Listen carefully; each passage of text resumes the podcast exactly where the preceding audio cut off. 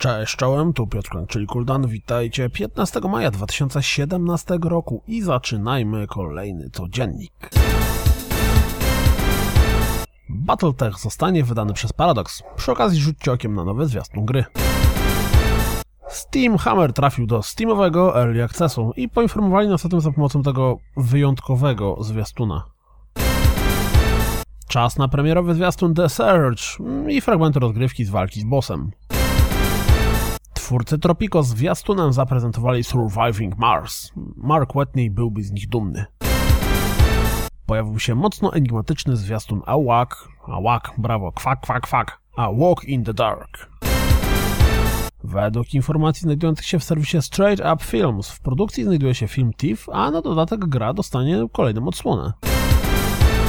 Shadow Warrior 2 zaatakuje konsolę już 19 maja. Czy ktoś ma ochotę na Wanga? Wygląda na to, że autorzy Sea of Thieves chcieliby, żeby ich gra obsługiwała crossplay między PC, właściwie to Windowsem 10, a Xboxem One. Switch, który niczym Nvidia Shield umożliwiałoby streamowanie gry z PC na konsolkę? Cóż, według zamierzeń autorów aplikacji Rainbow, jak najbardziej tak.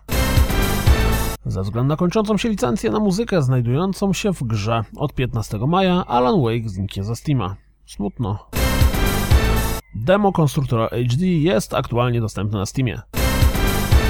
Plotka okazała się prawdą. Oto pierwsza zapowiedź Project Rap Rabbit.